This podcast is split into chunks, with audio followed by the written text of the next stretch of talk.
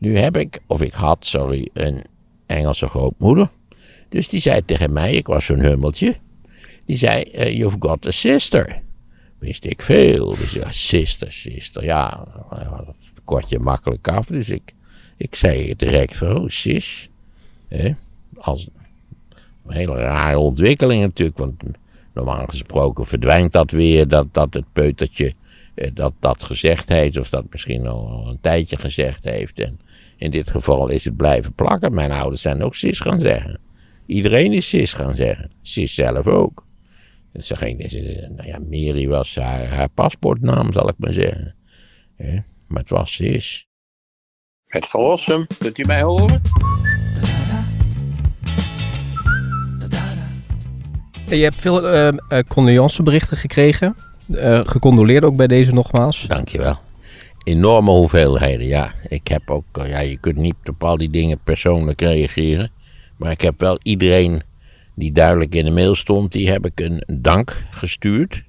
Ik hoop dat ze dat als voldoende ervaren. Want als ik overal ook nog een verhaal bij had moeten schrijven, dan eh, had ik hier niet gezeten. Dan lag ik nu uit te hijgen. Ja. Maar dat was heel, heel fijn om dat allemaal te zien.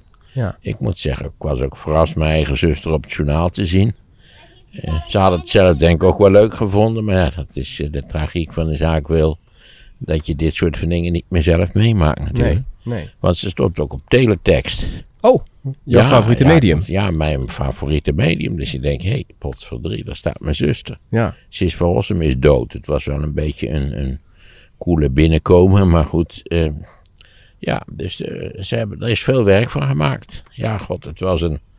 Hoe zal ik. Kijk, haar gezondheid was al jaren moeizaam. Ze is ook een aantal malen niet mee geweest, maar dat het zo zou gaan en dat. Want het komt idioot onverwacht. Het is een soort ongeluk en van het, een, nou, het een op het andere moment heeft het nog 2,5 dag geduurd. Ben je dood. Wat natuurlijk een hele merkwaardige zaak is. Hè?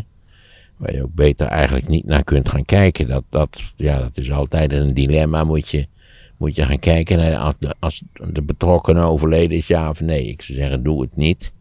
Denk aan de overledene de laatste keer dat je haar zag. In het geval van mijn zuster, gezellig zittend aan een tafeltje met een glaasje. Want dat was C. Daar zijn we nog heen geweest. C zal ook nog worden gemonteerd en uit worden gezonden in de huidige reeks. Maar het gekke van zo'n ongeluk is. A. dat het in haar eigen keuken was. B. dat het op haar verjaardag was. C. dat ze overleed in een half uur voor de dodenherdenking. Allemaal lichtelijk absurde combinaties in mijn hoofd. Ik zit er eigenlijk nog steeds aan te wennen. Dat, dat is het gekke, dat je toch wel voortdurend eraan denkt. Wat eigenaardig is het dat je zuster, niet waar, dat is de persoon die ik van alle nog levenden het langste kende, dat die plotseling verdwenen is. Hè? Dat ook referenties daaraan en, en dingen die ze zegt. En nou, hè? Maar je denkt daar natuurlijk voortdurend aan. Ik bedoel, ik loop door het park, ik zie de bloeiende kastanjes. Mijn zuster was dol op die enorme bloeiende pracht van de, van de paardenkastanje. En dan denk je, ja, wat een treun is dat ze dit in ieder geval niet meer zien kan. Deze, mm niet waar, glorieuze voorjaarsdag. Ja. ja. Mijn zuster kon erg genieten van, laten we zeggen, de typische klimatologische omstandigheden van Nederland. Ja, ze ging voor Koen ook altijd uh, uh, gele tulpen halen? Ja, dat, uh, sowieso zijn wij geweldige tulpenliefhebbers. Ik moet zeggen dat ik, dat ik vaak dacht, ook bij dingen waarvan zij eigenlijk niet kon weten of hoezeer ik er de pesten had. Dan, en zei ik er iets van en zei ze, ja dat is inderdaad, denk korte broeken bij mannen. Het is maar dat je het weet, dat je nooit, nooit dit, dat we die opnames nooit in een korte broek gaan maken. Nee, dat vond ze niks. Nee, dat vond ze niks. Ik ook niet. Ik vind dat weerzinwekkend, stuitend. Verder is het totaal niet belangrijk. Ik, ik dring niet aan op, op wettelijk verbod. Ik ga geen anti-korte broekenpartij oprichten, maar het deed me dan veel genoegen dat zij mij direct steunden. Dat ze direct zeiden, ja, daar heb je groot gelijk in. Dat is zo, dit is stuitend, mannenbenen. Hè? Vreselijk, gewoon die dode knotwilligen die dan onder zijn broek uitkomen. Maar goed, dit, dit soort dingen. Waardoor ik vaak ook bij die opnames dacht, ik heb eigenlijk een soort tweelingzuster. Wat ook zowel in positieve als in negatieve zin geldig is natuurlijk. Want zij mocht graag klagen tijdens de opname. Zo van wachten, eh, dingen die net niet doorgingen of niet precies georganiseerd waren. Of, nou ja, alle bekende dingetjes. Dat speelde bij haar wel een rol natuurlijk. En haar, ja, hoe zal ik dat zeggen? Heel begrijpelijke weerzin tegen het medium televisie. Omdat je nooit iets behoorlijk uit kon leggen. Kijk, die uitzendingen die duren 35 minuten. Daar zit een beginnetje aan natuurlijk, van tada tada met een muziekje en zo. Er zit een eind aan waarbij wij dan een eindoordeel over, het, over de stad uitspreken. Eigenlijk hadden we dat afgeschaft, maar dat bleek op hoge prijs te worden gesteld door de kijkers. Toen zijn we er toch mee doorgegaan. En daartussen hadden wij ieder drie onderwerpen.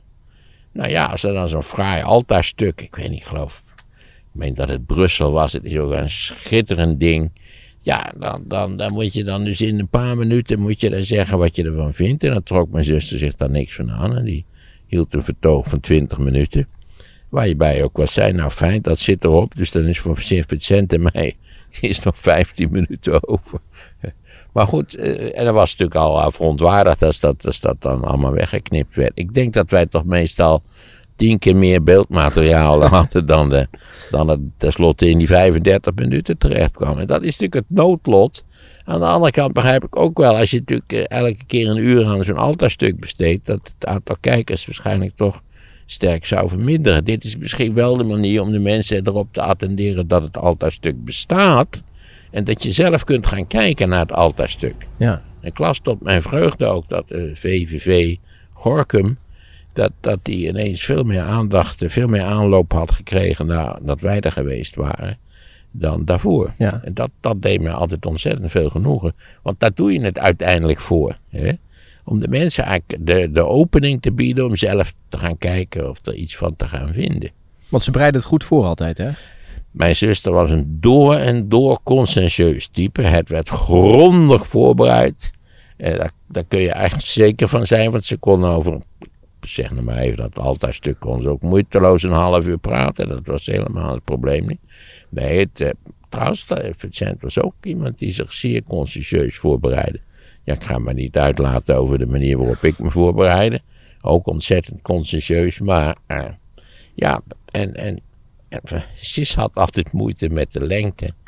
En kijk, ik zeg het nu toch al wel in de verleden tijd, is ook zo raar. Ja. Je moet verleden en tegenwoordige tijd moet je wisselen. Als de betrokkenen overleden is natuurlijk, want die bevindt zich nu in het verleden. Uh, maar Vincent is, is veel beter in het, uh, in het kort houden van de boodschap. Ik ben ook waardeloos in het kort houden van de boodschap, ja. Maar het is heel treurig dat ze toch plots... We hadden, kijk, IJzerwederdienen met het busje en de rolstoel...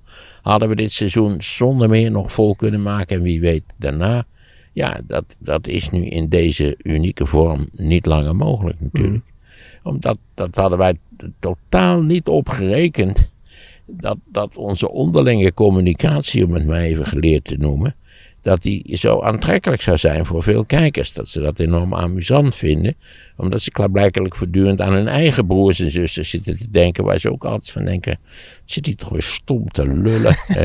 oh, houd toch je kop eens een tijdje dicht Joop dit, werk. En als je dat dan ziet bij ons, dan, dan wat overigens meestal uh, elke werkelijke ernst ontbrak eraan. Ik geloof dat ik één keer echt boos ben geworden, maar dat is echt één keer gebeurd of zo. Maar ook het echt boos worden was ook nuttig. Ik had nooit in mijn leven ruzie met mijn zuster gehad, never. In al die, weet ik, wat is het, 70 jaar niet. Uh, en die ene keer denk ik toch, drie. Omdat je ook, ook nou ja, mijn, mijn zuster had, eh, wees mij toch ook op het feit dat, uh, dat, ik, dat ik misschien niet altijd rekening houd met de aanwezigheid van anderen en daar gewoon maar de tijd vol lul. Hè? Dat is ook het fijne van de podcast natuurlijk, dat, je, dat er niet nog iemand voorin zit die zegt van joh, is zo stom te lullen, laat mij ook eens even. Hè? Want jullie hebben ook gezegd, het liefst presenteren we de programma's gewoon alleen. Dat vonden we alle drie, dat een veel beter programma zou worden. Zeker mijn zuster vond dat. Als zij het alleen zou kunnen doen. Want dan kon ze over het altaarstuk ook gewoon 35 minuten altaarstuk. Ja. Geen probleem. Ik begin links en rechts. Hè. Meestal zijn die altaarstukken. Nou, dus laten we dat, laat ik haar niet voor de voeten lopen met het altaarstuk. Ik ben niet zo'n altaarstuk kenner. Uh, ja, zij was een hele, heel, heel conscientieus. En dat vond zij er ook ontzettend leuk aan. Ja, maar ze vond het wel altijd hartverwarmend als ze reacties kreeg op straat van mensen, hè? Zeker. Mijn, mijn zuster vond natuurlijk, had er veel aardigheid om te zeggen dat het, nou ja, het was eigenlijk een oppervlakkig grote programma. Omdat nu eenmaal de hele televisie een ongelooflijk oppervlakkig, eh, uh, half gaar klote medium is. Maar als ze dan iets verteld hadden, ze werd op straat aangesproken, wijkbeduursteden, door iemand zeggen: Oh, mevrouw, wat ik heb dat, ik dat, ontzettend leuk dat u toen dat, dat, dat schilderijtje van Pietje Puk, dat u dat zo leuk uh, behandeld heeft. Dat vond zij geweldig. En dat, dat is volkomen juist, omdat je overal daar. Je hoeft maar één individu te raken. En als er één mens van al die miljoen kijkers bij wijze van spreken naar dat museum gaat en daar misschien de dag van zijn leven heeft, dan, dan is er veel gewonnen. Ja. Dus, dus, en ik hoop dat het eh, veel, dat is natuurlijk veel frequenter gebeurt, neem ik aan. Ik meen dat Tijders ooit voor het eerst van zijn leven een rij voor de deur had. Toen wij de avond daarvoor uh, over Tijlers bericht hadden, wat een ongelooflijk lollig museum dat is. In Haarlem, ik zeg het er nog maar even bij. In Haarlem is een fantastisch leuk museum, dat heet Tijlers. Ga daar eens kijken, ook voor uw kinderen, een buitengewoon lollig museum. Vanaf vijf kunt u, er, kunt u er allemaal leuke dingen zien. Ja. Er was er ook wat ergernis over dat, want ze was toch de zus van. Vond ze dat erg? Ja, dat vond mijn zuster buitengewoon vervelend. Terecht, want ik zou dat zelf ook, als ik voortdurend, als je, ik zou iets over mezelf lezen. Ja, dat is de broer van zus. Dan zou ik denken, ja, zeg, wacht nou eens even ik, ben een, ik ben een aparte, zelfstandige, individuele persoonlijkheid. Dus daar had ze in principe wel gelijk in. En, en ze had ook een, een standaard klacht. Bij van alles van ja, ik was maar een meisje. En ik dacht vaak, ja, een beetje slaapgelul, heb je het toch heel leuk gedaan. Maar daar had ze eigenlijk groot gelijk in. Dus het, was een emancipatie, niet dat ze dat ooit op camera zei, maar het was een emancipatoren boodschap die zij vaak verkondigde en waar zij groot gelijk in had. Om raadselachtige redenen heeft mijn moeder haar naar de MMS gestuurd. Te vergelijken met de, met de moderne HAVO, met als gevolg dat ze niet kon studeren. En, door een wonderlijke opleiding is gegaan en een allerlei wonderlijke baan heeft gehad. Die vond zij zelfs overigens wel interessant en leerzaam. Maar eh, vanuit mijn perspectief gezien eh, zou ik zeggen, ook wel een beetje zonde van de tijd. Dus ik toen, na je dertigste kun je gaan studeren, ook als je niet een, zeg maar, uh, bruikbare vooropleiding hebt. Mits je een zogenaamd colloquium doctum doet, een soort minimum examentje, waar ze dan vragen, uh, niet waar, waar is een lantaarnpaal goed voor en dat soort van dingen. Dus dat hebben zowel mijn broer als mijn zuster hebben dat gedaan. En, en allebei zijn, het, zijn ze hartstikke clever ze kunnen beter schrijven dan ik, zal ik maar zeggen. Maar ja, mijn broer wou niet, die wou niet meer, die, moest, die wou avonturen gaan beleven. En mijn zuster was naar die verrekte MMS geweest, waardoor ze dat, die, die achterstand in. Maar toen heeft ze kunstgeschiedenis geleerd, prima deluxe. Ik kan niet anders zeggen, na haar dertigste, in combinatie met een volledige betrekking. Dat moet je er wel bij. Hmm. Waarbij ze op het Kunsthistorisch Instituut, in mijn herinnering, was zeiden: Ja, mevrouw, dat, uh, het is zo'n ongelooflijke moeilijke, zware studie. eh, dat, dat kunt u niet combineren met werk. Puur gelul eerlijk gezegd. Als je hard werkt en intelligent bent, kun je vrijwel elke alles alfa of gamma studie, niet waar, kun je zonder enig probleem in 20 uur hard werken per week, kun je dat doen. Naar mijn idee. Ja. Wat ik ervan gezien heb. Mhm. Je kunt ook meer uren werken, maar dan word je al heel snel word je een stralende zon aan het studentenfirmament. En waar was ik gebleven? Ja, dus ze heeft met veel succes gestudeerd. En toen was ik was gepromoveerd en, en ja, dat is een beetje gek verhaal, maar goed, mijn broer was ook gepromoveerd. Ook, ook zo'n zo'n later bekeerling op het punt van, de onderwijs, van het onderwijs. En toen had mijn zuster een heel succesvolle scriptie geschreven over de Sint-Servaas in Maastricht, als ik het wel heb. Dus ik zei tegen mijn zus, dat is nou leuk voor mijn moeder, die was nog toen nog bij de tijd. Als jij nou op die scriptie, dat is gewoon een kwestie van een beetje erbij rommelen en nog zo wat dingetjes doen, kun je er zo promoveren. Dan zijn we alle drie gepromoveerd. En dan houden we voor mijn moeder een promotiefeestje. Want toen mijn ouders gingen scheiden, zei natuurlijk de hele familie: Oh jee, oh jee. Die kinderen die groeien voor galg en rat op. Daar komt niets van terecht. Dat is een, een scheiding. Dit speelt zich af in de late jaren 50. Dus dat was nog een vrij. Tegenwoordig ben je bijzonder als je niet gescheiden bent. Maar toen was je bijzonder als je wel gescheiden bent. Nou ja, dat, ik dacht dat dat zo ontzettend leuk. Maar ze had er eigenlijk geen zin in om het, om het te doen. Dus we zijn. Eh, zoals ze had het makkelijk kunnen doen. Mhm. Want ze heeft ook uit een of andere test. eh, bleek ook dat ze in feite onder haar eigen niveau op die MMS zat. En ze heeft daarna lange tijd op middelbare scholen gewerkt en ook op de Hogeschool Ja, Utrecht. hè? ja, ze heeft op een Ivo Mavo gewerkt en ze heeft met moeilijke meisjes gewerkt. Dat is helemaal aan het begin van haar werkzaamheden. En tenslotte is ze docent geworden hier aan de, aan de hoe heet het, aan De de. HBO-opleiding. Ja. Ik weet niet hoe dat tegenwoordig, ja, die dingen buiten tien jaar een andere Ah, naam. Hogeschool. Utrecht volgens mij heet dat. Ja, maar daar heeft ze ook kunstgeschiedenis gegeven, maar ook allerlei andere dingen. Omdat ze ook eh, drama-docent, dat vond ze ook hartstikke leuk. Ja, dat, hoe, dat, hoe dat zo bij haar gekomen is, weet ik niet. Ik heb niet veel met drama. Eh, dus, eh, maar goed, zij vond dat leuk en, en die- dat is een feit. Als je daar slag van hebt, dan kun je met die kinderen Ja. kun je van alles bereiken. Mijn zuster was ook betrekkelijk streng. Dus de moderne kinderopvoeding, daar had ze echt helemaal niks mee. 0,0 terecht, overigens naar mijn idee. Wat er mis is met ons onderwijs is dat het meestal totaal chaotisch is. En gedomineerd wordt door het kringgesprek. Zeg ik nu even uit de losse pols. Ik moet er ook bij zeggen dat natuurlijk de schoolsucces of hoe dat gaat. Laat ik even afdwalen van het thema. Enorm afhankelijk is van de school en waar die is en wat de ouders zijn. Dan gaan ze maar door. Ik moet je zeggen, mijn kleinkinderen, ik let er natuurlijk speciaal op. Die konden echt binnen drie maanden tip-top lezen. En, en waarschijnlijk ook al heel aardig schrijven. Ik geloof dat mijn kleinzoon die las in, het, in groep drie dus. Hè, klopt dat? Ja, die groepen, dat is ook zo wat. Las die, vroeger ging in de kleuterschool en dan naar de lagere school. Maar nu zit je eigenlijk altijd in een groep. Hè. Ten slotte ook als bejaarde zit je in de bejaardengroep. Eh, je leven bestaat uit in groepen zitten. Een verschrikkelijk idee op zichzelf al. Nee, dus mijn kleinzoon kon, ik herinner ik mij, zijn eigen Sinterklaasgedicht voorschrijven, voorlezen. En dus nou ja, was eh, weet niet, begin september begonnen daar in groep 3. Ja.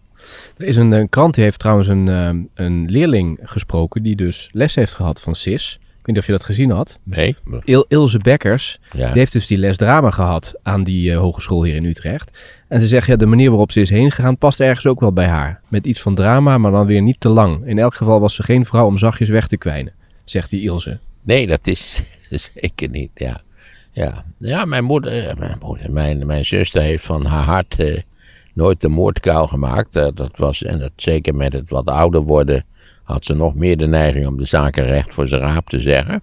En ja, naar mijn idee is dat buitengewoon verstandig. En, en dat, dat, nou ja, ik had er wel eens moeite mee dat ze erg op haar ponteneur stond tijdens de opnames. Maar achteraf, en naarmate ik graag gewend was graag, vond ik het eigenlijk prima dat ze dat deed. Omdat natuurlijk al heel snel bleek dat onze licht, eh, hoe moet ik dat zeggen, geprikkelde conversatie soms, dat die eh, voor, voor vele kijkers dus juist eh, de charme van het programma uitmaakte. Dat we me niet, en dat we ook niet voortdurend stonden te lachen. Nou ja, dat we eigenlijk precies niet deden wat iedereen in televisieprogramma's wel doet. Het was niet gescript, hè? Nee, nooit. Dat is ook zoiets dat mensen altijd denken dat je dat van tevoren dan zeven weken geoefend hebt. Niet waar bij de nonnetjes of zoiets dergelijks. nee, nee mensen, nee, houd toch op met al die lul praten over ons. Hè, op, ook op, op dat stomme Twitter, terwijl u daar niets van af weet. Nee, natuurlijk. Er waren op Twitter wel heel veel positieve Ja, dat is waar. Ja, ik moet niet te veel klagen. Heel veel mensen die medeleven hebben. eh. en Koen, eh, daar is ze nooit mee getrouwd, hè? Haar partner. Nee, dat is wel een sterk verhaal. Dat op een goed moment, omdat zij natuurlijk een, een fors pensioen te verwachten had. En je weet dat je plotseling doodgaat. Dan, dan is dat weg als je niet getrouwd bent. Dan zei dat je het wel in een, in een notariële zaak kunt regelen. Maar goed. Ja, ineens hadden ze besloten ze zou toch gaan trouwen vanwege de pensioenkwestie. Helemaal niet omdat ze dat nou zo belangrijk vonden, maar dat pensioen is natuurlijk wel interessant. Want je krijgt geloof ik bij het overlijden van de partner dan alsnog bij het ABP 60% van het pensioen. Uh, precieze percentages weet ik niet, maar... En als mij straks wat gebeurt, dan zijn zij mede verantwoordelijk. Uh, of ik getuige wilde zijn. Begin februari oh, van 2002 gaf Fortuyn een interview aan de Volkskrant... waarin hij meldde aan de lezers dat Nederland vol was. Maarten Verrossum over het populisme. En nou had hij juist aan Leefbaar Nederland beloofd dat hij niet meer zou zeggen dat Nederland vol was. Want dat was natuurlijk, ja, begrijpt u, metaforisch voor het idee dat er komt niks meer bij. Dus ik dacht dat nou, lijkt me wel fijn om te doen. Iemand, maar in ieder geval geen islamieten meer. Download het luisterboek via de link in de beschrijving. En belden ze. Ben twee weken later belden ze op. Het is totaal van de baan. Want we hebben hooglopende ruzie over het huwelijk gekregen. Wat ook heel karakteristiek was. Dus toen hebben ze het notarieel keurig laten regelen. En het, het, een lange termijn relatie. Nou, enzovoort. Ik weet niet hoe lang ze niet bij elkaar geweest zijn. Dat is, uh... Maar ja, het blijft gek dat iemand toch van het een op het ander bij die mevrouw kan wel zeggen, typisch is dat ze ondersteboven gevallen is en een tweeënhalve dag later overleden is. Maar ja, het is. Uh, ik, ik, je, je, denkt ook plotseling toch aan al die mensen die, waar de politie aan de deur komt en zegt: Ja, het is heel ongelukkig, mevrouw, gaat u even zitten. Uh, uw familielid, wie het ook is, heeft een auto-ongeluk gehad en heeft het niet overleefd. Het is een hele plotse CSU. En dan heb ik er nog samen met Koen nog een, nog een half dagje bij gezeten. Mm. Ja. Maar goed, toen was het eigenlijk al een aflopende zaak. Ze is, na de val uh, vrij snel in een coma geraakt waar ze nooit meer uit is gekomen. Ja. Maar je zegt eigenlijk, je moet, het, je moet er nog aan wennen aan het idee dat het zo snel is gegaan. Ja, ik moet überhaupt nog wennen aan het feit dat ze er niet meer is. Ja. Maar ik, ik, ik, ben, ik ben dus niet zo iemand die in het rouwproces dat hij hoort, ze is dood. En dat je meteen in een, in een niet met de stuiten tranenvloed uitbarst en, en op de grond gaat liggen kronkelen, zal ik nou maar zeggen. Maar totaal niet. Maar ik, ik moet er langzaam aan wennen. Mm Ook toen mijn vader, die was dus ook vrij plotseling overleden, heb ik nog maandag als, gedacht als de telefoon ging, god zal mijn vader wel zijn. He? Ja, met je pa. Ja, ik zit hier in de hemel, maar, maar ik, het uitzicht is matig, zoiets, zoiets in die geest. Hè. En, en dat zal ik precies ook hebben. Nu loop ik ook steeds rond en denk van, goh, ook treurig dat ze deze dag in ieder geval niet meer mee kan nemen. Nee. Er zullen ook mensen zijn die zeggen van ja... Ze... Ik moet zeggen, zij lag in haar coma in een kamer, ziekenhuiskamer, waarbij meteen achter het raam, echt op een anderhalve meter, een prachtige bloeiende kastanje stond. Dat was wel merkwaardig. Ja. ja. Um, wat betekent het nou voor het programma? Is, is dat klaar? Ja, dat weten we niet. Daar hebben we het nog helemaal niet over gehad. We zijn natuurlijk ooit ben ik met mijn broer samen naar Berlijn gegaan omdat mijn zuster ziek was. En we hebben ook wel eens gedaan dat ze ja, er zo beroerd aan toe was dat ze dan voor één dagje of een middagje werd ingevlogen. Uh, ik heb geen flauw idee. Het, het, zal, het mist natuurlijk toch iets van van het unieke karakter wat het had als ze er niet bij is. Juist door haar uh, bokkigheid en, en uh, tegendraadsheid, uh, waar, ze, waar ze toch een meester in was in mm. allerlei opzichten. er zullen ook maar heel weinig mensen in Nederland tv-programma's maken die zelf al, ik geloof, twintig jaar niet naar de televisie hebben gekeken. Nee, dat was bij haar zo. Ja, ze keek helemaal, nee, ze keek nooit. Koen wel, Koen kijkt volgens mij na tienen wel even of er wat er in de wereld gaande is. Maar ze keek nooit naar televisie. Vond ze een weerzinwekkend medium. Ja. Hoe is Vincent eronder? Ja, zoals Vincent is, die laat niet veel merken. Dat zou bij hem net wel zoals bij mij gaan, een beetje langzaam. Hè? Hmm. Ik weet niet of je had verwacht dat ik wenend binnen zou zijn gestapt hier in, de, in dit. In de, nee, iedereen kent je toch als rationeel? De zogenaamde audio-studio. Ik bedoel Audi-studio. nee, zo gaat het. Het gaat heel langzaam. Rouwproces is iets wat zich heel traag ontwikkelt waar, je, waar je natuurlijk vaak jaren mee bezig bent in allerlei opzichten. Ja. ja. Hoe was dat bij het verlies van je moeder? Nou, dat was totaal anders. Kijk, mijn moeder is, dus ja, die is 91 geworden. Die is eh, zes jaar, kleine zes jaar, totaal dement geweest. En eh, ik weet wel dat we werden gebeld. En, en met ook zo'n zo'n zo'n zalvende stem uit het uh, verpleeghuis van gaat u even zitten een vreselijke gebeurtenis. Dus je denkt, het verpleeghuis is ingestort. Door een atoombom geraakt. Maar goed, nee hoor, ik begreep direct dat, natuurlijk, dat mijn moeder overleden was. En, en toen zei ik gewoon, mevrouw, ja, U doet alsof het verschrikkelijk is, maar dit is voor haar en voor mij een immense bevrijding. Mm. want ze was al lang niet meer wie ze was. Ik bedoel, dat, dat, dat, is eigenlijk uh, aangrijpend en, en ellendig. Dat daar zit dus iemand die, die, die qua naar de vorm als het ware er nog is. En, en die verder volledig afwezig is. Mm. Mm. En voor zover ze ooit iets zei, was ze boos. Dus ja, dat, ja. Uh, want je hebt bejaarden die worden, dementen die worden boos. Je hebt dementen die heel rustig en liefjes uh, op weg naar het einde gaan. Mm. Maar goed, mijn, mijn, ik moet je zeggen dat mijn moeder er ook verrassend dood, dood uitzag. Dus laat ik nogmaals zeggen, als u daar geen speciale behoefte aan hebt, ga niet kijken. Nee. Er zijn mensen die zeggen, je moet het juist even zien om het, om het door te laten dringen. Dat het ik weet het niet. Ik ben daar niet, ik geloof niet dat ik daar een groot voorstander van ben. Het is natuurlijk niet prettig om te zien, maar... Zeker bij mijn moeder dacht ik eerder aan mijn moeder tien jaar eerder dan, dan aan, aan dat moment dat ze daar in die stoel zat. Ja. Waar komt de naam Sis eigenlijk vandaan? Want ze heet... Mary. Mary. Zij is genoemd naar haar tante. Namelijk de oudste zuster van mijn vader. Want uh, mijn vader en moeder die woonden in, in Beeldhoven in de oorlog. Mijn vader kon de deur niet uit natuurlijk vanwege uh, dat hele probleem met die arbeidsinzats en de kans dat je opgepakt werd. Uh, en tante Mary die ging op hongertocht zoals dat heette. Dus die maakte lange fietstochten naar het oosten des lands en dan moest je zorgen dat je daar voedsel kreeg. Hoe dat precies ging, dat er waren allerlei methodes voor.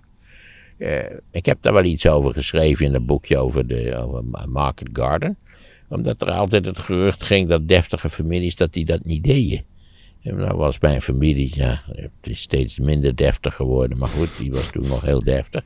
En, uh, maar dat is helemaal niet waar. Mijn opa die ging er gewoon op uit. Terwijl een hele deftige man was. Dat vond hij zelf ook. Dus, uh, en tante Mary ook. En omdat mijn moeder en mijn vader toch het gevoel hadden dat tante Mary hun gered had in deze sombere tijden, of in ieder geval een belangrijke bijdrage had geleverd aan het feit dat ze het min of meer ongeschonden hadden overleefd. Want mijn moeder was natuurlijk al die tijd zwanger in de, in de hongerwinter van mijn zuster.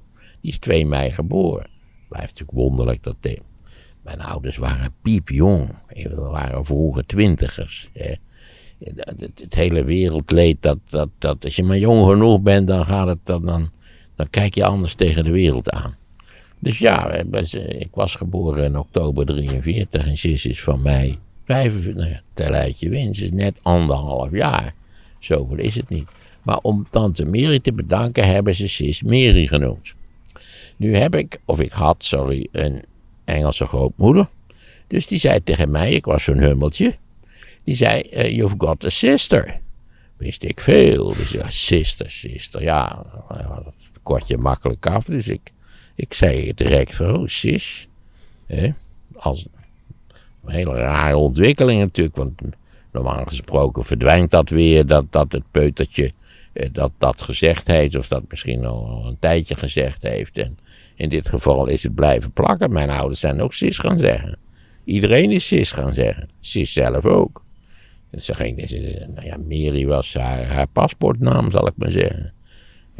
Maar het was Sis. Dus heeft die naam aan jou te danken eigenlijk? Eh, de naam Sis heeft ze aan mij te danken, ja, zonder meer. Ja. ja. Hoe, um, um, wat, wat ga, hebben jullie nog een, een bijeenkomst of een, eh, een afscheid? Eh, wat, ze wordt gecremeerd, hè? Heb je ja, ja, ja, zeker. Ja, we hebben een bijeenkomst, maar ik ga er verder niks over zeggen. Want, ja. Dan staat alle boulevardpers op de stoep. Nou, dat, het hele idee dat er toch aanloop zou kunnen komen, hoe sympathiek ook, en dat, dat, uh, dat zou Sis ook niet prettig hebben gevonden. Sis was echt voor het pure minimalisme. Ja. Dus ik heb ook een minimaal klein advertentietje in de NRC laten zetten. Waardoor uh, ook, ook andere instellingen die een advertentie hebben gezet, ook tot mijn genoegen, uh, tot minimalisme oh. hadden besloten. Het kabeltje moet, moet je even iets aandrukken onderaan je, uh, ja, want dat kabeltje is, er zit iets van een, dat is dus als je het niet goed opbergt, gaat het zo kraken. Ja, nu doet hij het weer. Ik kraakte dus. Ja, het kraakt een beetje, ja. Het is wel leuk als ik wat ouder word dat ik kraken. Ja, maar dit is dus nu de microfoon die kraakt. Sorry, het ligt aan de... Die, die 103-jarigen die dan uh, de burgemeester op bezoek krijgen. En dan zit er ook een journalist van het lokale blaadje. En die zit dan... En uh, hoe bent u nou zo 106 geworden? En dan zeggen ze altijd nemen... Elke dag een haring en een sigaartje. Ja. Dat, dat soort. Althans, die in die generatie tegenwoordig worden zoveel mensen, honderd, dat ik geloof de burgemeester komt niet meer op bezoek. Uh, dus ja, daar is er nog een soort afscheid voor direct betrokkenen. Ja. Familie, mensen die het programma hebben gemaakt enzovoort. Ja, dus heel minimalistisch gaan jullie dat doen. Ja. ja. En is het, als je dit nou, uh, ja, als je dit uh, meemaakt, kan ik me voorstellen dat je je over de andere dingen die in de wereld gebeuren even niet meer zo druk kunt maken. Nou ja, god, je, je hebt het enorm druk even. Ja, Koen nog drukker natuurlijk. Maar je moet toch op een of andere manier die hele zaak eh, organisatorisch op de rails zetten. Op zodanige manier dat het goed gaat aflopen. Dus ja, daar, daar ben je wel even druk mee. Dat, dat zeker, ja. ja. hebben ze kinderen? Nee. Nee. Ik geloof niet dat ze daar grote behoefte aan hadden. Nee, nee, nee. Maar als je de reactie ziet van, uh, van alle mensen, dan uh, heeft ze in ieder geval wel wat teweeg gebracht. Uh. Ja, ze heeft, is natuurlijk op, op, op latere leeftijd, want dat is natuurlijk het eigenaardige. Dat, ik weet niet eens precies wanneer begon die serie, ik geloof 2015 of zo. ja, is zij, is zij nog tot, daar begonnen we mee, tot een bekende Nederlander uitgegroeid. Terwijl ik zweer je dat ze die ambitie niet had. Nee. Ze vond het eerder. Uh, ze vond het fijn aangesproken te worden, bedankt te worden voor wat ze gedaan had. Dan dat ze, dat ze de, de vreselijk ijdel was op was. Maar ze vond het toch wel leuk. Volgens mij vond ze het ook wel leuk dat de slager dan zei: Hé, hey, dag mevrouw Van Rossen, want dat, dat krijg je dan. dat, dat mensen weten hoe je heet. Wat natuurlijk in de meeste winkels niet te doen gebruikelijk is. Nee. Nou, jullie zaten ook wel af en toe bij de talkshows om dan die serie te promoten. Hè? Dan, uh... Ja, dat was dit jaar nou voor het eerst geloof ik niet gebeurd. Niet dat het voor de kijkcijfers helemaal moe heeft uitgemaakt. Maar nee, dat, dat, kennelijk hadden ze zoveel uh, Oekraïne erin zitten dat wij... Ja, wij, ja, wij zijn nooit met z'n drie in de Oekraïne geweest. Dat was ook wel komisch nog. Bij de start van deze serie dat we dus steden zouden gaan bezoeken en dan gezamenlijk daar iets van zouden proberen te maken. Het, het, misschien moet ik dat ook nog even vertellen. Dat, dat, ik had toen samen met mijn broer bij de Wereld Draait Doorgezeten. Er was enorm gelachen over het feit dat we dezelfde stemmen hebben. En ook wel enigszins op dezelfde manier formuleren. Dat is gewoon mijn vader, dat is heel simpel. Ja, Zo'n normale culturele overdracht. Eh, en toen werd ik eigenlijk op, heel korte termijn werd ik gebeld door twee omroepen. In ieder geval de BNN-Vara, of was het toen nog niet BNN-Vara, dat weet ik eerlijk gezegd ook niet. Of we niet samen een komisch programma wilden maken. Nou is mijn, mijn theorie, maak nooit met opzet een komisch programma. Dat moet je niet doen. Nou, misschien als je een geniale cabaretier bent, dat weet ik, dat weet ik niet. Die moeten het verder ook natuurlijk wel een beetje zelf weten, maar Zodra je namelijk expres leuk gaat doen, is het niet leuk meer. Dat is een wet van mede en. Denk aan de lama's. Dat moet je dus niet doen. Dus ik heb direct gezegd, ja, daar voel ik echt geen kloot voor. Om daar iets geestigs te gaan doen, want dat wordt ontzettend pijnlijk en uh, gezocht. Dat gaan we dus absoluut niet doen.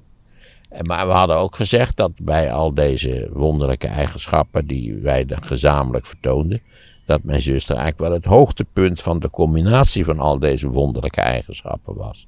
Met name bij het chaufferen was mijn zuster, nou zeg maar gewoon eh, psychopathisch, anders kun je het niet zeggen. Ik wat mijn, mijn zuster schold achter het stuur was zo gruwelijk op de medeweggebruikers.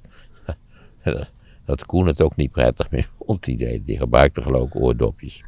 Uh, en toen, eh, ja, met, met wat heen en weer praten met, met Sky High, dat is een productiemaatschappij, kwamen wij op het idee om gebruik te maken van onze expertise. Maar vooral om niet leuk te gaan doen. Verschrikkelijk.